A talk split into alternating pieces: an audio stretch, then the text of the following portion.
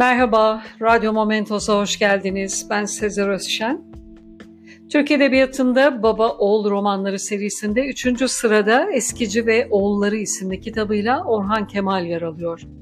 15 Eylül 1914'te Adana'nın Ceyhan ilçesinde dünyaya gelen Kemal'in babası avukat, annesi ilkokul öğretmenidir. Birinci Dünya Savaşı'ndan sonra Adana'nın Fransız işgaline uğraması üzerine ailesiyle önce Niğde'ye sonra Konya'ya taşınır. Konya'da bulunduğu dönemde Delibaş isyanına tanıklık eder. İsyanın bastırılmasından sonra babası meclise Kastamonu milletvekili olarak girer. Ankara'ya taşınan aile 1923'te Adana'ya döner. Babası aktif siyaset yaşamı içinde olmasına rağmen Orhan Kemal bu yıllarda siyasetle ilgilenmez. Daha sonra partisi kapanan baba Suriye'ye kaçar ve tüm aileyle birlikte Beyrut'a yerleşirler. Orhan Kemal bir yıl sonra tek başına Türkiye'ye babaannesinin yanına döner. Adana'da çırçır fabrikalarında işçilik ve katiplik yapar. Bu yıllardaki birikimleri ileride Baba Evi, Avare Yıllar romanlarına hayat verir. Daha sonra evlenir ve askerliğini yaparken Maxim Gorki ve Nazım Hikmet kitapları okumak, yabancı rejimler lehinde propaganda ve isyana muharrik suçundan 5 yıl hapis cezasına mahkum edilir. 1940'ta Bursa cezaevinde ünlü şair Nazım Hikmet'le tanışır. Onun toplumcu görüşlerinden etkilenir. Üç buçuk yıl Nazım Hikmet'le oda arkadaşlığı yapan Orhan Kemal kendisinden Fransızca, felsefe ve siyaset dersleri alır.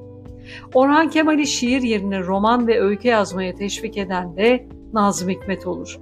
İlk düz yazı denemesi olan 18 Yaş adlı romanını Nazım Hikmet'in yardımıyla yazar.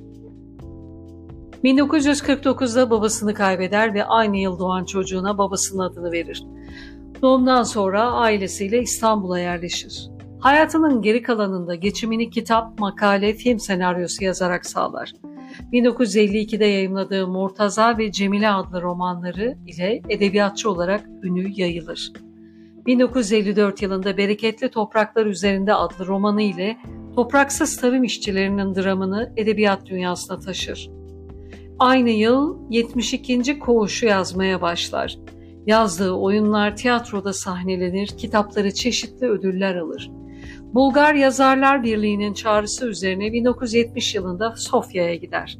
Asıl amacı babaannesinin soyunun bulunduğu yerleri gezip not almak ve 93'ten bu yana adıyla ailesinin hikayesini yazmaktır.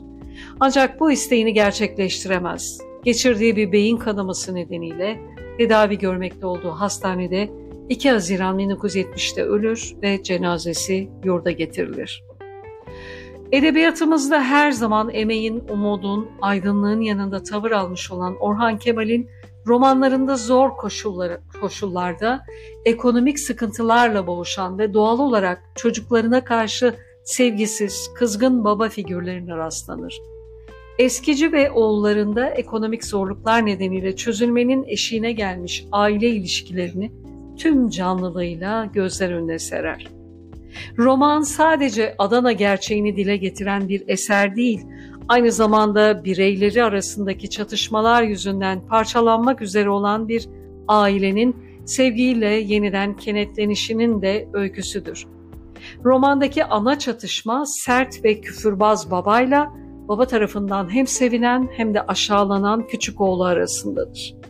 Romanı Orhan Kemal güç yaşam koşulları ile karşı karşıya kaldığı bir dönemde yazar. 1964 yılında Eskici ve Oğulları adıyla yazdığı bu roman 3 yıl sonra Ankara Sanat Tiyatrosu'nun isteği üzerine tiyatro oyunu olarak Eskici Dükkanı adıyla yeniden kurgulanır. 1968-69 sezonunda Ankara Sanat Tiyatrosu'nda oynanan oyun, şehir tiyatroları ve Antalya Devlet Tiyatrosu ile bazı özel topluluklar tarafından çeşitli zaman dilimlerinde sahnelenmiştir. Şimdi kitaptan yine kısa bir paragraf seslendiriyorum. Sertçe baktı babasına. Babasının 18 yaşında küçük bir modeli. Babasını hatırlatan püskül kaşları hırsla çatıldıysa da karşısında oturan ağası masanın altından ayağıyla ayağına gene hafifçe bastı.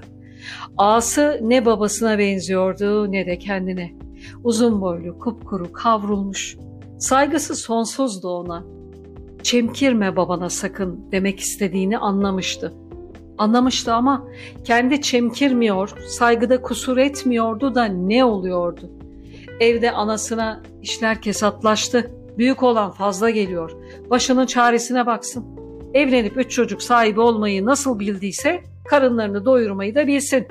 Ben Cenab-ı Allah değilim ki rızk vereyim. Yollu bağırıp çağırmıyor muydu? Ağasıyla bakıştılar. Birbirlerini anlayan bakışlardı. Gözlerini işlerine indirdiler. İkisi de iki ayrı ayakkabı tekinin pençe dikişlerini dikiyorlardı. Babaları makinenin başından kalkmıştı. Dizden aşağısı tahta sol bacağını ağır ağır çekerek dükkandan çıkmaya hazırlanıyordu. Küçük aldırmadı. Büyük sordu. Nereye baba? Topal eskici bakmadan homurdandı. Ananın dinine. Kaldırıma hırsla indi. Huyunu bildiği halde ne diye sorardı şu koca ayı? Camiye ya da meyhaneye, kerhaneye gitse ne lazım gelirdi? Sanki babasını çok seviyor da gözünün önünden ayrılmasını istemiyor. Haftaya serinin yeni bölümünde buluşmak üzere. Dinlediğiniz için teşekkürler. Hoşça kalın. Radyo Momentos'ta kalın.